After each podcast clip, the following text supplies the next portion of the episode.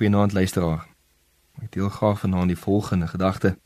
Jesus het gesterf om sy liefde vir sy vriende te bewys. Hier's 'n vraag. Wat is die liefdevolste ding wat jy ooit vir een van jou vriende gedoen het?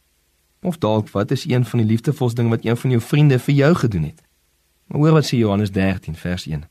En voor die fees van die Pasga het Jesus, omdat hy wist dat sy uur gekom het dat hy uit hierdie wêreld sou oorgaan na die Vader, en omdat hy sy eie mense in die wêreld liefgehad het, hulle liefgehad tot die einde toe. Die uur waarna Jesus hier verwys in vers 1 is die uur van sy kruisiging wat aan die kom was.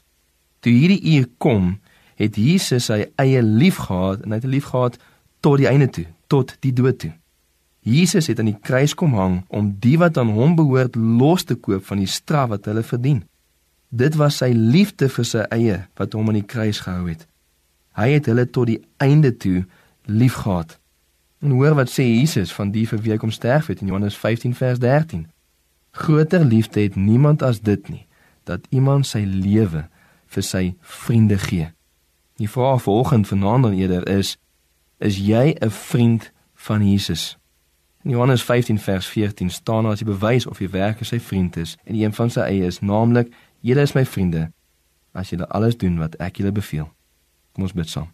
Here help ons om te besef dat u liefde vir u vriende, vir die wat u sal red, is oneindigend. En help vir ons om te wys ons is vriende van u deur te doen wat u sê. Amen.